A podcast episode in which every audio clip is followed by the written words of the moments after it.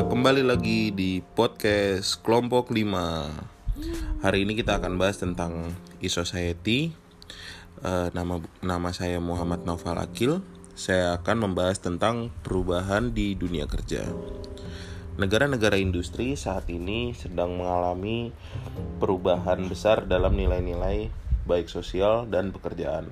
Di sini pengangguran, ketidakpastian, dan ketidakpuasan adalah faktor yang berpengaruh. Meski tuntutan dan harapan kerja waktu luang terus meningkat, kondisi kerja yang memberikan tingkat tinggi pekerjaan kemerdekaan dan lebih mengakomodasi dan kehidupan pribadi dan permintaan. Apresiasi dan kemungkinan penataan merupakan faktor motivasi yang penting, terutama untuk karyawan dengan kualifikasi yang lebih tinggi. Perubahan pasar Globalisasi, hubungan pasar, dan persaingan telah mengakibatkan globalisasi cara di mana kita bekerja dengan kontak, pekerjaan yang sekarang melibatkan kerjasama melintasi jarak spasial besar dan berada di zona waktu. Hambatan linguistik dan budaya harus diatasi. Terlepas dari globalisasi, perubahan struktur sektoral juga terjadi. Pergeseran jangka panjang dalam kepadatan pekerja dan pertanian ke sektor produksi dan juga kemudian layanan dan masyarakat informasi telah berubah dengan kegiatan dunia kerja. Meskipun fluktuasi sekali, pekerjaan di bidang informasi jelas mendominasi di negara maju. Semua kegiatan yang berkaitan dengan produksi informasi, pengolahan informasi, dan distribusi informasi termasuk dalam sektor ketenagakerjaan ini. Kemajuan teknologi biaya penurunan daya pemrosesan komputer dan media penyimpanan serta kenaikan simultan dalam layanan yang telah mengakibatkan ketersediaan luas informasi dan komunikasi infrastruktur. Kemudian, teknologi komputer dan telekomunikasi telah tumbuh bersama-sama dan digitalisasi wilayah yang luas. Fungsi komputer dan fungsi jaringan sekarang telah miniatur dan menghilang ke permukaan dan menjadi bangunan dan benda-benda. Perubahan sosial, gaya hidup dan struktur rumah tangga berubah karena nilai berevolusi. Misalnya, jumlah orang tua tunggal dipekerjakan serta rumah tangga tunggal adalah terus meningkat. Untuk alasan ini, perusahaan dan organisasi harus mempertimbangkan kebiasaan dan kebutuhan karyawan mereka. Masyarakat telah mengembangkan lebih dari masyarakat multi option di mana setiap individu simultan bekerja di dalam beberapa daerah. Individu menawarkan kemampuan pada perusahaan yang berbeda dan juga aktif sebagai pengusaha. Kendala ruang dan waktu, proses bisnis dalam hal ekonomi kebijakan secara bertahap membubarkan dengan adopsi teknologi komunikasi. Ini menciptakan resiko dan bahaya dan memerlukan organisasi inovasi penyesuaian sosial. Yang kedua, yang kedua akan dijelaskan oleh Jeremy Arthur. Halo, saya nama saya Jeremy Arthur. Saya di sini akan menjelaskan mengenai perubahan struktur organisasi dan tata kerja. Yang pertama itu dalam perubahan struktur organisasi dan tata kerja dipengaruhi oleh beberapa faktor. Yang pertama itu organisasi virtual. Kata virtual ini berarti untuk tampil nyata. Dengan kata lain, sesuatu yang tampaknya hadir meskipun hilang terukur karakteristik maupun kesannya, benda maya ini keku melebihi kekuatan dalam dalam cara berbicara. Sebagai contoh dari fenomena virtual ini diambil dari ilmu komputer seperti memori virtual, blok informasi dari memori internal disimpan dan outsourcing untuk waktu yang singkat untuk membuat apa yang tampak menjadi kapasitas penyimpanan yang lebih besar. Nah, sebuah perusahaan virtual itu memiliki potensi organisasi tradisional tanpa memiliki kerangka kelembagaan yang sebanding. Perusahaan seperti ini bekerja seolah-olah organisasi organisasi tersebut perusahaan virtual yang melampaui aktual dalam hal potensi mereka. mereka membubarkan batas internal dan eksternal perusahaan. Hal ini tidak lagi jelas pelanggan perusahaan atau perusahaan parsial yang terlibat dalam pengembangan produk dan pemasarannya pemasaran produk. Selanjutnya itu kontak organisasi virtual itu terbatas seperti jaringan kemitraan. Para mitra bekerja sama seperti perusahaan, lembaga, tim spesialis maupun individu. Membuat kompetensi inti mereka yang tersedia berdasarkan kepentingan bisnis umum dan budaya kepercayaan. Karakteristik organisasi virtual ini meliputi kerjasama sukarela antar beberapa mitra jaringan yang independen. Yang kedua itu bundling konsisten kompetensi inti. Yang ketiga kontrol atas tujuan bisnis yang umum. Dan yang terakhir konsistensi menggunakan teknologi informasi dan komunikasi. Sebagai contoh, aliansi strategi melibatkan kerjasama untuk jangka waktu yang ter tak terbatas dan dengan ini datang fleksibilitas terbatas dalam hal pertukaran mitra. Begitu juga dalam outsourcing. Jangka panjang hubungan dengan mitra yang dipilih ada untuk outsource komponen integral dari perusahaan. Faktor kedua yang mengubah struktur organisasi dan tata kerja adalah organisasi kerja di e-teams mempertimbangkan tugas dan kewajiban perusahaan tradisional secara umum, mereka mengikat tergantung tenaga kerja ke dalam kontrak jangka panjang. Manajemen tugas dibagi tenaga kerja berlangsung di organisasi hierarki terstruktur. Ini dikoordinasikan melalui perencanaan tugas dan kontrol. Namun dengan munculnya internet, perusahaan mencari struktur organisasi yang cocok dengan varian jaringan eksternal peluang dan resiko yang terkait dengan bentuk telecooperation telah dipelajari pada beberapa kesempatan. Didirikan bahwa produktivitas kerja sangat meningkatkan dan karyawan potensial lebih baik dikembangkan di perusahaan dengan teleworking potensial. Namun pihak yang terlibat juga melihat kekurangan. Sebagai contoh, uncoupling dari sistem dari tim serta proses bisnis sering pergi pergi tangan ke tangan dengan mengurangi kemungkinan perkembangan dan karir. Hal yang menarik bahwa terbentuk teleworking harus memprovokasi penolakan kuat, khususnya dari manajemen perusahaan. Dalam pengertian ini, E-team adalah sekelompok individu-individu yang didistribusikan secara geografis yang menerapkan diri untuk tugas umum dan menggunakan sistem informasi dan komunikasi. Orang-orang tersebut menggunakan sarana elektronik untuk merencanakan dan mengkoordinasikan tugas-tugas mereka untuk membuat layanan yang diinginkan. Anggota e-team dapat memiliki lokasi yang berbeda dan zona waktu yang berbeda. Mereka mengatur diri mereka sendiri melalui sinkronisasi elektronik dalam bentuk kerjasama.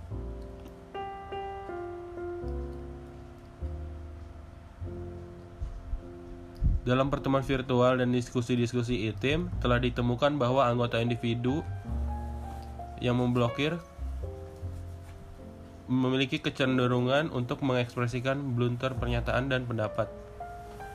Jadi sangat diharapkan bahwa penilaian positif dari kerjasama e-team harus terus terjaga di masa depan.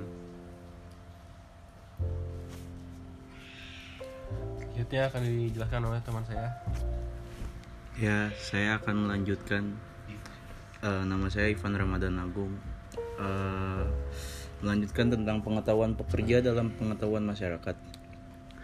Manajemen pengetahuan membutuhkan bimbingan konsep untuk secara sistematis mengumpulkan pengetahuan di sebuah perusahaan melalui metode dan teknik seperti pengetahuan, identifikasi, akuisisi pengetahuan, dan untuk prosesnya seperti pengembangan pengetahuan, uh, pengetahuan evaluasi dan untuk menggunakannya.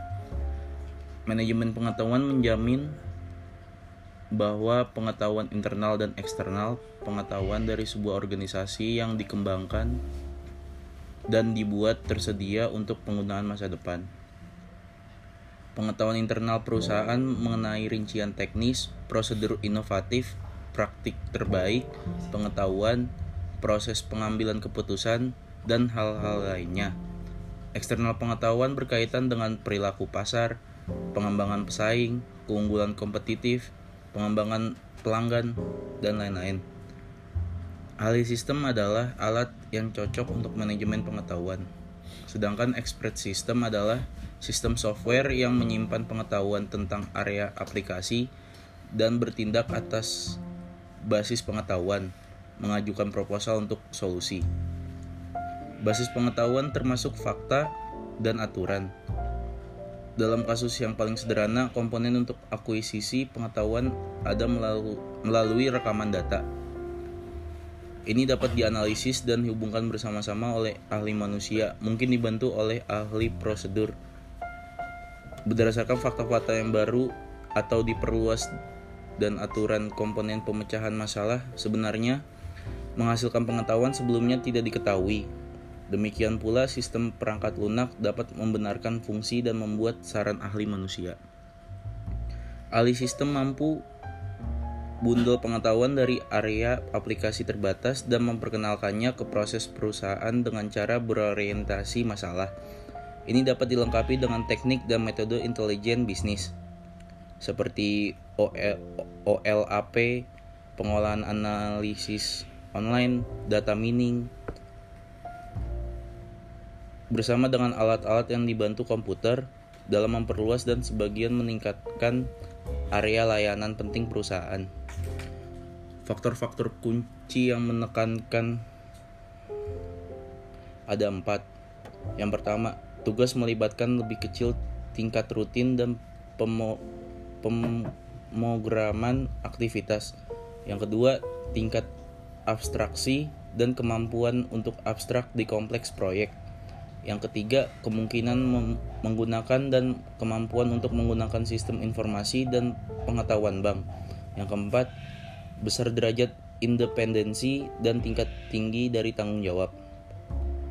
Semua karyawan di perusahaan dan yang terbaik kasus semua kepentingan termasuk pelanggan dan pemasok.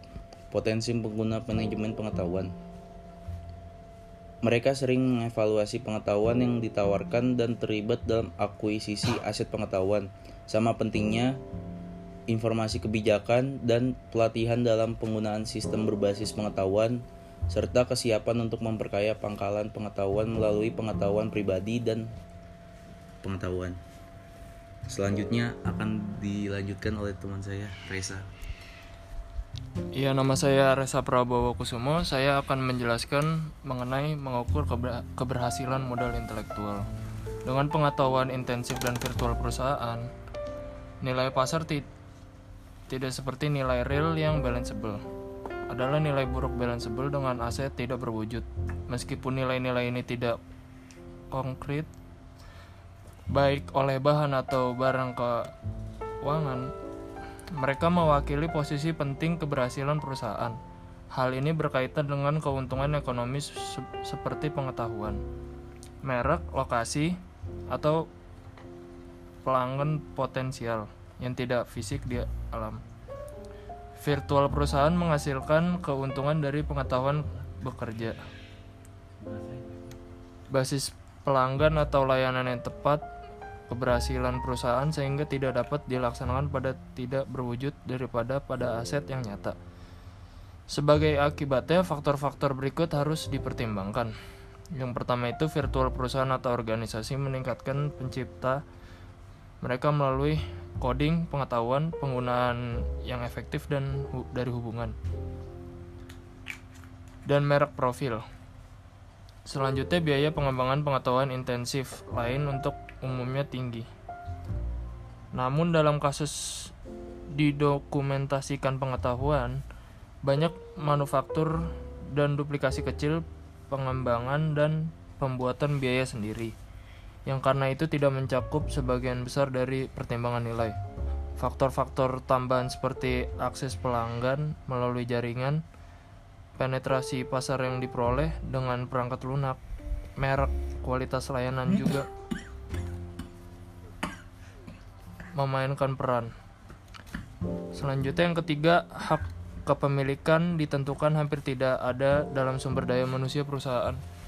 Karyawan dengan pengetahuan implisit dan pribadi bukanlah milik perusahaan. Seseorang pekerja pengetahuan membuat dirinya independen dengan membuat pengetahuan ahli. Tersedia untuk lembaga-lembaga yang berbeda. Atau mungkin menempatkan pesanan untuk subtugas. Eh, modal intelektual mencakup semua pengetahuan yang berhubungan dengan properti saham perusahaan. Mereka merupakan dasar berbasis pengetahuan pencipta nilai dan dengan demikian merupakan faktor keberhasilan yang penting dalam keberhasilan perusahaan. Manajemen mempunyai tugas mengetahui pengetahuan basis pelanggan. Berhubungan jaringan proses pelanggan untuk meningkatkan intelektual perusahaan dan untuk mengamankan ini dari sistem informasi sebagai struktur modal untuk pengem- pengembangan lebih lanjut. Selanjutnya ada etnis maksimum untuk items. Istilah etika mengacu pada prinsip-prinsip dasar membatasi tindakan pribadi, individu atau kelompok.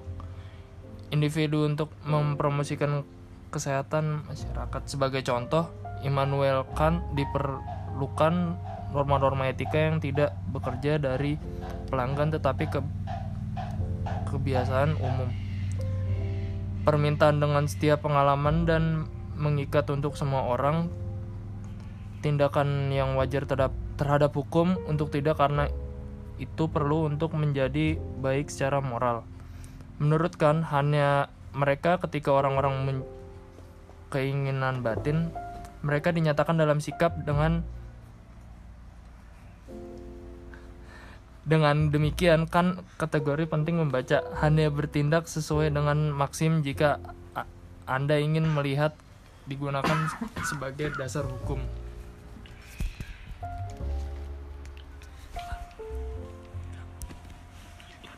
Selanjutnya akan saya sampaikan tentang eh, menunjukkan model etika dasar informasi dan pengetahuan masyarakat. Perdang- perdagangan dengan sistem informasi tidak dapat sewenang-wenang ini harus diatur oleh persyaratan hukum. Selain itu, norma-norma perilaku sosial dapat membatasi perdagangan. Akhirnya, diri sesuai dengan prinsip-prinsip etis yang dikenakan. Satu norma perilaku seperti ini adalah bersih etiket yang berkenaan dengan perilaku peserta berkomunikasi menggunakan internet.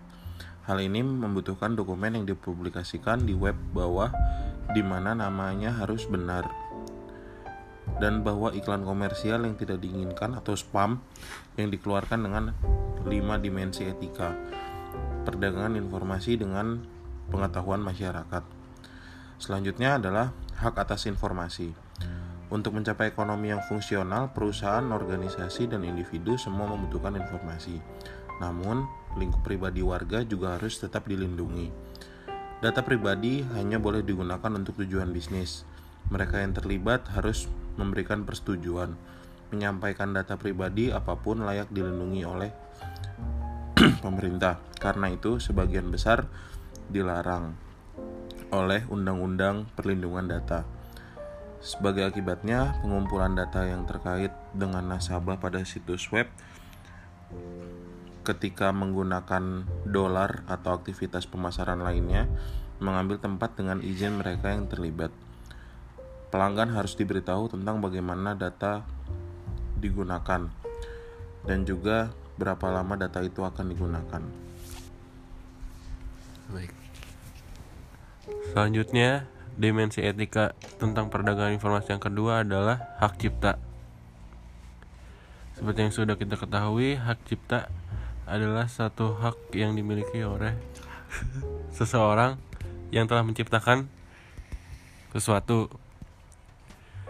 Perlindungan cipta adalah tantangan khusus dalam kasus digital. Produk digital tersebut berbeda dengan dokumen, buku, laporan, ataupun foto-foto karena faktanya mereka dapat dengan cepat disalin dan didistribusikan. Yang ketiga adalah tanggung jawab. Lembaga dan individu, individu harus mengambil tanggung jawab. Karyawan harus menandatangani perjanjian berdasarkan berdasarkan kerja bahwa mereka harus menghormati aturan-aturan yang dikirim menggunakan perangkat lunak dan perangkat lunak pemindahan serta tidak menggunakan kembali produk-produk berlabel digital untuk keperluan pribadi. Yang keempat adalah keamanan sistem. Ketersediaan dan keamanan sistem informasi berbasis web harus memastikan harus dipastikan dan diawasi. Kebanyakan undang-undang perlindungan data tidak hanya perlindungan data atau penyalahgunaan tetapi perlindungan data dari kerugian atau pemalsuan. Dengan demikian, pemilik koleksi data pribadi wajib memberikan informasi tentang data yang disimpan. Yaitu setiap saat perusahaan harus mengungkapkan data apa yang sedang disimpan orang-orang. Yang terakhir adalah kualitas hidup. Kemampuan untuk mencapai orang kemampuan pencapaian orang setiap saat dan di setiap tempat di era digital tidak menyebabkan penurunan kualitas hidup. Hal itu harus memung harus memungkinkan bagi individu untuk menjatuhkannya koneksi ke dunia maya setiap saat dan untuk menjaga ruang privatnya. Merekam semua kegiatan masing-masing individu dalam digital atau memori yang kita tahu sebagai jejak dunia maya adalah pendekatan yang sangat bermasalah dan harus ditolak waktu kerja dan tempat kerja, fleksibilitas yang layak dalam tim otonom atau e-teams. Sistem jaringan komunikasi juga harus mendukung masyarakat dengan cara yang berguna. Jika mereka mempromosikan akses ke informasi serta mengatur self-determination untuk hak suara. Secara etis, maksim untuk dibaca e-teams yaitu pengetahuan pekerja dan e-teams yang didukung oleh sistem informasi mengorganisir diri dalam masyarakat asli ketika mereka menghormati integritas, holisme, dan individu yang menyediakan layanan yang luar biasa. Eh, sekian penjelasan mengenai e-society dari kelompok kelima. Saya Jeremy Arthur. Saya Muhammad Noval. Saya Reza Prabowo. Saya Ivan Ramadan Agung. Kami semua dari kelompok kelima. Harap, eh, Mohon maaf apabila ada kesalahan kata-kata. Wassalamualaikum Wassalamualaikum warahmatullahi wabarakatuh.